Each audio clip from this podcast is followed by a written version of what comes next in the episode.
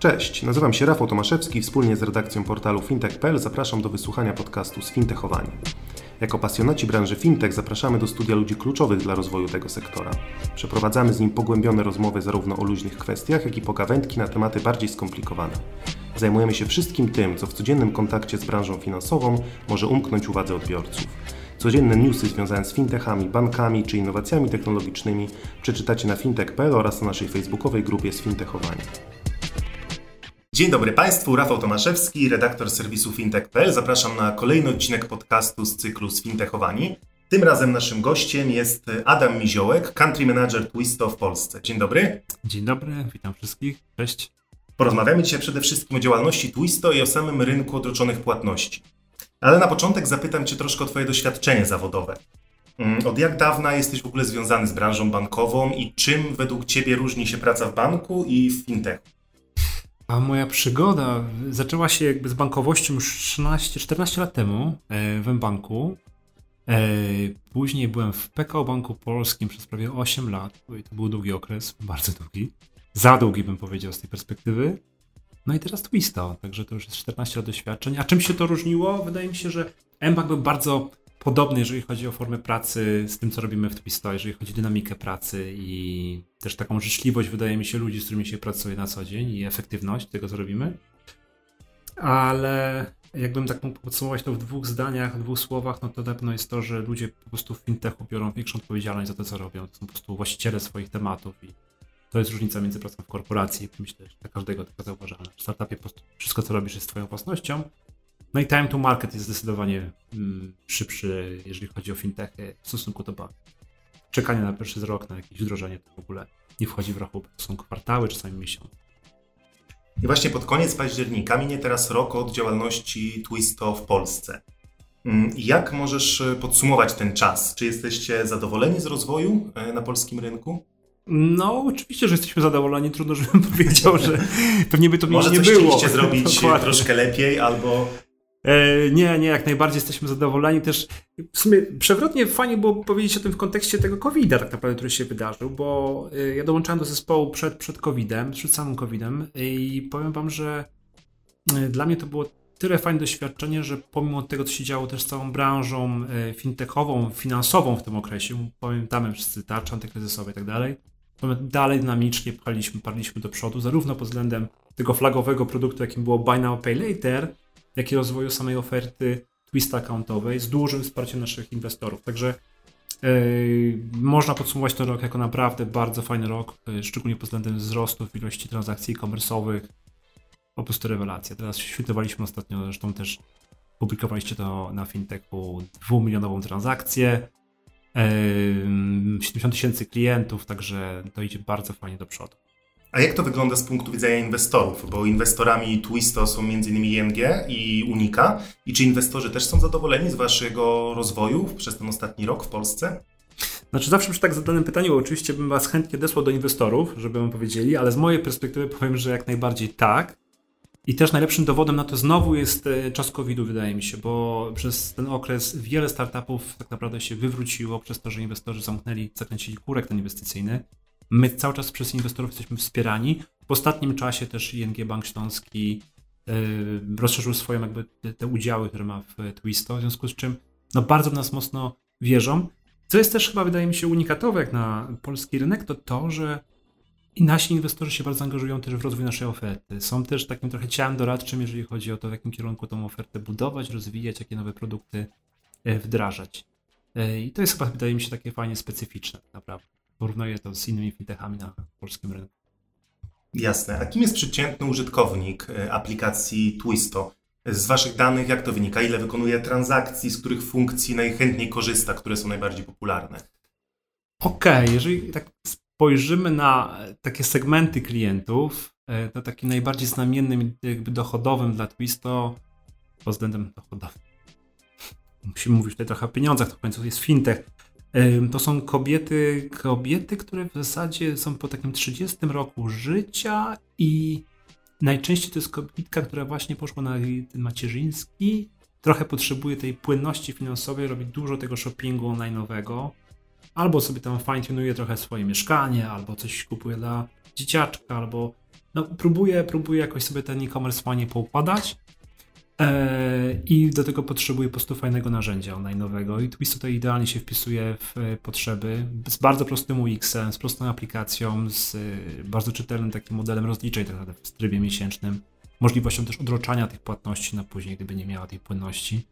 Także to jest taki nasz target, można powiedzieć, idealny. No niemniej jednak jest teraz też coraz więcej po prostu klientów, którzy po prostu są pasjonatami kupowania online w ostatnim roku, to wszyscy wiemy, ten COVID, okrutny COVID spowodował z kolei e, piękne żniwa w e-commerce. No i za tym idzie naturalnie potrzeba też klientów na uproszczenie tego UX-a, na korzystanie z rozwiązań płatniczych w internecie, które są po prostu proste. No Twist ma najprostszy interfejs, jeżeli chodzi o ten user experience, jeżeli chodzi o płatność online. Więc to jest taki drugi target, czyli ktoś, kto często, często kupuje. Wspomniałeś o tym kluczowym aspekcie działalności fintechu, jakim jest y, zarabianie. Mhm. E, Twisto zarabia głównie na swojej usłudze, czyli na przesunięciu płatności na dłużej niż 45 dni. Mhm. E, I czy klienci chętnie korzystają z tej opcji? No i też, czy dobrze spłacają swoje należności, bo to też jest istotna kwestia. Yy, tak, jak najbardziej tak. To jest, to jest właśnie główny element monetyzacji w ogóle całego modelu biznesowego, jakim jest Twisto. To jest yy, zachęcenie klienta do korzystania z produktu odroczenia w czasie tej płatności, którą ma. W 45 dni to jest de facto coś, co jest w standardzie. Y, jest coś, co dla klienta jest bezpłatne. Dopiero kiedy on ten okres przekroczy i wejdzie później w kolejny miesiąc odroczenia, wtedy wchodzi na tak zwany produkt płatny. My to nazywamy tak dźwięcznie y, Twisto Credit y, albo Twisto Credit Installments. Może też rozłożyć te zakupy na, na raty. No i cieszymy się z tego, że pomimo tego, co się wydarzyło też w covid i wiele osób utraciło pracę, utraciło stałe źródło przychodów, to i tak utrzymujemy najniższe, można powiedzieć, niższe no niż średniorynkowe poziomy e, niespłacalnych kredytów. Tak naprawdę ten default rate się już właściwie ociera o e, granicę dolną i właściwie nie mamy co odzyskiwać. No. To jest wielki ból e, firm windykacyjnych, które pukają do naszych drzwi i się pytają, czy mogą od nas mieć jakąś bazę. No nie za bardzo jest z czego, no bo jesteśmy po prostu, mamy dobrych klientów, no, z czego się bardzo cieszymy. Jasne. No też nie jesteście jedynym dostawcą odroczonych płatności w Polsce, dlatego y, zapytam, czym różni się Wasze rozwiązanie od konkurencji? Jaka jest Wasza przewaga główna? Od konkurencji na polskim rynku, nie będę wymieniał nazw tych mhm. konkurentów oczywiście, ale wierzę, że nas słuchają. I też spojrzą na ten, na Twisto właśnie z, większym, z większą uwagą, z większym szacunkiem, jak posłuchają naszych tych konkretnie przewag, bo nie każdy konkurent nie robił taką analizę dogłębną. Na pewno to, co jest y, przewagą z perspektywy klienta, no to jest UX. Nasz klient wykonuje w zasadzie jeden przeklik tak naprawdę po włożeniu do koszyka produktów w online, y, wejściu na paywalla, wybor, wyborze techniki sposobu płatności Twisto Pay. Wykonuje tylko jeden klik i ten towar trafia do niego. Teraz rozszerzyliśmy troszeczkę ten UX jeszcze o zebranie od klienta PESEL-a. Zrozumiałe, poszliśmy, to jest zdrowy rozsądek, na żeby trochę lepiej tego klienta zweryfikować, ale też to poprawiło approval rate te poziomy akceptacji na poziomie merchanta. Przewagą jest też to, że y, właściwie nawet jeżeli ten dany sklep nie ma wdrożonego systemu płatności TwistoPay, to i tak można w nim wykonać transakcję za pomocą karty wirtualnej Twisto, czyli właściwie każdy użytkownik z tych 70 tysięcy, którzy już mają y, kartę Twisto z limitem Twisto, są w stanie kupować w dowolnym sklepie w Polsce, mogą to robić na Zalando, mogą to robić na Allegro, więc tutaj to jest no, ogromna, ogromna y, przewaga. Yy, nasi konkurenci są ograniczeni tylko i wyłącznie do platform, na których są wdrożeni technologicznie, natomiast no mówię, nasz użytkownik może robić to wszędzie. Ale spojrzymy ze strony merchanta na to, te przewagi, dlaczego warto się jakby integrować z Twisto, jak patrzymy na porównanie benchmarki, to fajnie jest to, że płacimy od razu merchantowi tego samego dnia za zakup. Yy, konkurenci najczęściej mają te takie parę, paręnaście dni zwłoki. No nie ma co ukrywać, prowadzi się mały sklepik yy, internetowy, to człowiekowi zależy głównie na płynności. To jest, to jest ogromna przewaga. Już w lipcu Twisto e, wypuściło dosyć ważny komunikat o zmianach w regulaminie. Mhm. Chodzi mi tutaj o pojawienie się dwóch planów e, w aplikacji, czyli planu darmowego i e, planu płatnego. I to już od 30 września, aby korzystać z pełni możliwości Twisto, trzeba zapłacić 9,99 zł miesięcznie dokładnie. Tak. Mm, I czy to oznacza, że w ogóle czas darmowych fintechów pomału mija, że zaczynają się już pojawiać te płatne usługi po stronie fintechów i czy planujecie może wprowadzenie większej ilości taryf w przyszłości, że nie będzie tylko wybór pomiędzy tą jedną darmową a płatną, mm -hmm. tylko może dojdą jakieś pośrednie albo jeszcze jakiś wyższy plan premium powiedzmy, czy może całkowicie zrezygnujecie z darmowej opcji? Jakie są tutaj plany wasze w zakresie? E, dzięki za to pytanie, bo to faktycznie jest debata, która się na rynku gdzieś tam odbywa. E, ja tylko może zacznę od tego, że dalej jest bezpłatny plan, w którym go można spokojnie korzystać i dokonywać transakcji w e-commerce za darmo, bez żadnych opłat.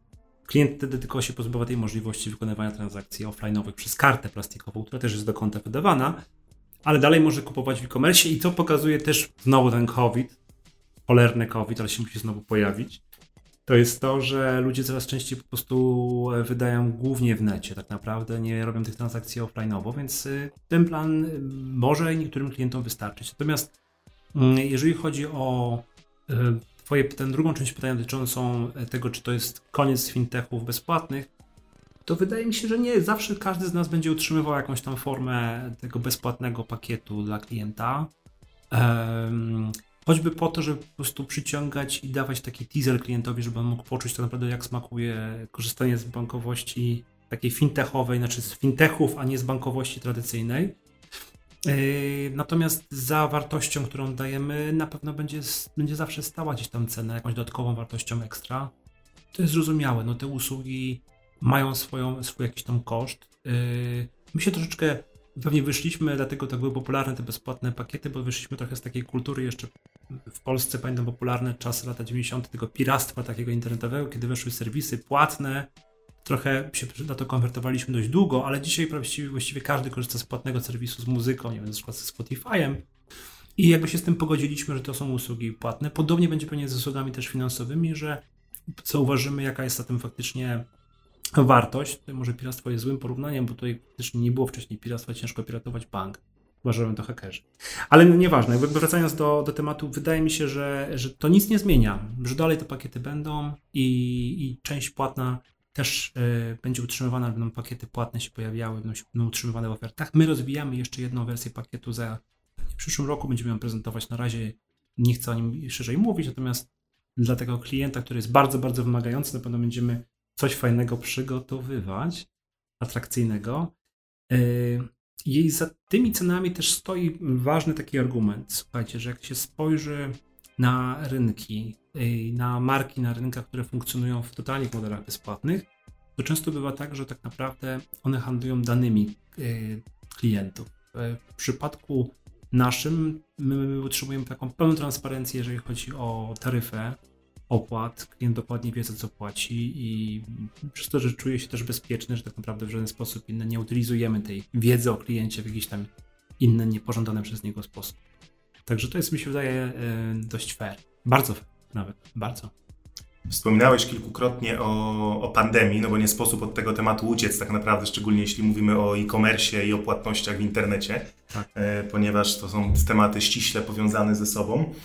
I e, rozumiem, że w okresie e, pandemii zaobserwowaliście wzrost zainteresowania odroczonymi płatnościami, tak? Były to zauważalne różnice w porównaniu do tego wcześniejszego okresu. Tak, tak, nawet jak się tak spojrzymy, słuchajcie, na statystyki, ile osób robiło transakcje w zeszłym roku, w tym okresie, to było tam 60% chyba internautów robiło transakcje online, teraz to jest prawie 73% w ogóle internautów. Już jak to jeszcze przemnożymy przez średni koszyk zakupowy klienta i rozszerzenie tych wertykali, czyli kategorii sklepów, które oferują zakup online, jeszcze o spożywkę, cateringi, dostawy, no to to urosło no, znacznie. Giga, znaczy to był gigantyczny, gigantyczny wzrost. Teraz się szacuje, że y, my mamy chyba udziały tam 60, 60 parę miliardów, 62 miliardy obrotów e-commerce w ogóle to jest y, tam jedna, nie wiem, chyba szósta czy siódma rynku w ogóle całego detalicznego, to będziemy chyba w 25% udziale y, ten rynek nasycać jakby tym e-commerce'em w perspektywie najbliższych 4 lat. I COVID był właśnie takim przyczynkiem do tego szybszego wzrostu. Tak, wrzucił nas takie na zupełnie nowe tory. E, no i jesteśmy tego beneficjentem. E, beneficjentem też w takim drugim wymiarze, że my też jako jeden z nielicznych też fintechów, który się zajmuje tą branżą trochę consumer finance'ową, bo tam jednak mamy ten limit odnawialny, gdzie liczymy, jak skorujemy klienta, My y, byliśmy poddani ogromnej próbie, kiedy się pojawiła tarcza antykryzysowa na polskim rynku. Pojawiły się pierwsze tam informacje. Pamiętam, że cała wszystkim stanęły dęba, włosy na, na karku i na plecach, że kurczę, co to będzie. I wiele firm tego, tych, tej tarczy antykryzysowej, tych regulacji nie było w stanie przetrwać przez to, że po prostu ich produkty przestały być w ogóle w jakikolwiek sposób dochodowe. My przez konstrukcję produktu yy, umiejętną, że jest to odnawialka, odnawialny kredyt, a nie jest to w żaden sposób skonstruowane jak kredyt pożyczkowy, pożyczka gotówkowa, byliśmy w stanie spokojnie przetrwać, utrzymać bardzo fajną dochodowość dla naszych inwestorów, a jednocześnie dalej świadczyć bardzo fajne usługi dla rynku, pozostając dalej twisto, nie, musiając, nie, nie, nie musieliśmy w żaden sposób tam iść i szukać nowych modeli biznesowych. Musimy po prostu utrzymać swoje DNA. Czy uważasz, że popularność odroczonych płatności już po okresie pandemii, za kilka, kilkanaście miesięcy, no nie wiadomo kiedy tak naprawdę ten okres się skończy, ale czy po jego zakończeniu uważasz, że ta popularność odroczonych płatności może pozostać na takim wyższym poziomie, że ludzie, którzy w trakcie pandemii z nich korzystali, przekonali się do tego rozwiązania, wciąż będą z tego korzystać później, ponieważ zobaczą, że jest to po prostu wygodne, a wcześniej nie korzystali z tego z różnych powodów, może nawet nie wiedzieli o takim rozwiązaniu? Wydaje mi się, że nawet będzie teraz chyba lepiej, bo ludzie spojrzeli na swoje wydatki bieżące. Ty kiedyś pytałeś mnie przed sekundą jeszcze o, e, o e, target grupy, kto jest takim naszym idealnym klientem. Przecież jest bardzo wielu klientów, którzy spojrzeli na swoje wydatki bieżące i powiedzieli, dobra, nie będę teraz kiedy pojawił się COVID, to yy, yy, przelali pieniądze ze swoich lokat, tak żeby utrzymać swoją płynność finansową, a Buy Now Pay Later idealnie trafiało w ich potrzeby. Mówią, dobra, ja utrzymam te pieniądze w tej lokacie, a, a zakupy bieżące będę robił sobie przez właśnie Buy Now Pay Later, będę yy, płacił teraz, yy, kupował teraz, traczał sobie, płacił, spłacał te zobowiązanie za miesiąc. Więc jesteśmy jakby teraz idealną odpowiedzią na te właśnie czasy pokowidowe, gdzie ludzie patrzą na płynność na każdą złotówkę z każdej strony parę razy i myślą sobie, no dobra, też można, nawet jeżeli mam zasoby jakiekolwiek finansowe, mieszkam w dużym mieście, mam jakieś lokaty, jakieś oszczędności, to po co ja mam wydawać swoje oszczędności teraz? Tak, no, różnie może wyglądać sytuacja w Polsce za kwartał, za miesiąc, za dwa. Dlaczego nie skorzystać z rozwiązań, które są już na rynku i pozwolą mi tą płatność rozłożyć w czasie? I mi się wydaje, że to będzie nas tylko i wyłącznie wzmacniało. Też jak się spojrzy na rynek zachodnioeuropejski i te udziały rynkowe Buy Now Pay Later, które sięgają prawie 30% w ogóle e-commerce'u, 30% bodajże, tak? 30% już w tym momencie. Głównie dzięki naszemu największemu konkurentowi z zachodu, który na szczęście na polskim rynku nie jest, czyli Klarnie, to, y, to, to tylko możemy myśleć o rozwoju. Już tak pomału zmierzając do końca naszej rozmowy, zapytam Cię o dalsze plany na przyszłość. Twisto czego mogą się spodziewać polscy klienci w nadchodzących miesiącach? Dlaczego mówimy o miesiącach? Mówmy o dniach. Może tym lepiej nawet Dokładnie. o dniach czy tygodniach. Nie, słuchajcie, już jesteśmy y, właśnie po, teraz właściwie po wdrożeniu, y, licząc w minutach, w godzinach y, po wdrożeniu Apple Pay'a, także wszystkich zapraszamy do testowania Apple Pay'a w aplikacji. Mamy w tym momencie i płatności Google Pay'owe Apple Pay'owe, także zostawcie portfele w domach, idźcie głować z Twisto e, e, telefonami. I w najbliższym czasie też będziemy, my patrzymy cały czas też na ten zachód Europy, wspomniana Klarna, która jest też takim dla nas e, wzorem tego, jak ten biznes się buduje. Wzorem, ale też takim kimś, kogo chcemy challenge'ować na tym rynku CE. Będziemy na pewno patrzyli uważnie na ofertę produktową i rozszerzenie tego, tej oferty ratalnej. Która, która nam się bardzo fajnie sprawdziła. Wdrożyliśmy raty dość niedawno, bo przed wakacjami. I to nam się naprawdę bardzo fajnie, fajnie sprawdza, czyli klient kupuje, rozkłada sobie na raty równe w aplikacji, um, nawet do 12 rat e, zakupy. Też myślimy o takim modelu bardziej pod kątem właśnie merchów naszych, czyli naszych partnerów, którzy mają e-commerce. Także w tym kierunku na pewno patrzymy e, z uznaniem, no i obserwujemy też, co robi rynek. No wiemy, że nasi koledzy e, z Revoluta. Wiem, że e, chłopaki razem z Karolem zadają na czele myślą o ofercie kredytowej. E, także cieszymy się, że też idą jakby w nasz model biznesowy, więcej konkurentów tym będzie ciekawiej. Kombinuje też Allegro, więc kurczę, no będziemy pewnie i walczyć o rynek, i pewnie bronić naszego, naszego DNA. Jesteśmy w tym najlepsi. Tak, więc będzie ciekawie na pewno. I myślę, że to jest dobry moment, żeby postawić kropkę. Gościem podcastu fintech.pl był Adam Miziołek, country manager Twisto w Polsce. Dziękuję bardzo. Dziękuję serdecznie. Ja nazywam się Rafał Tomaszewski i zapraszam na kolejną audycję już wkrótce.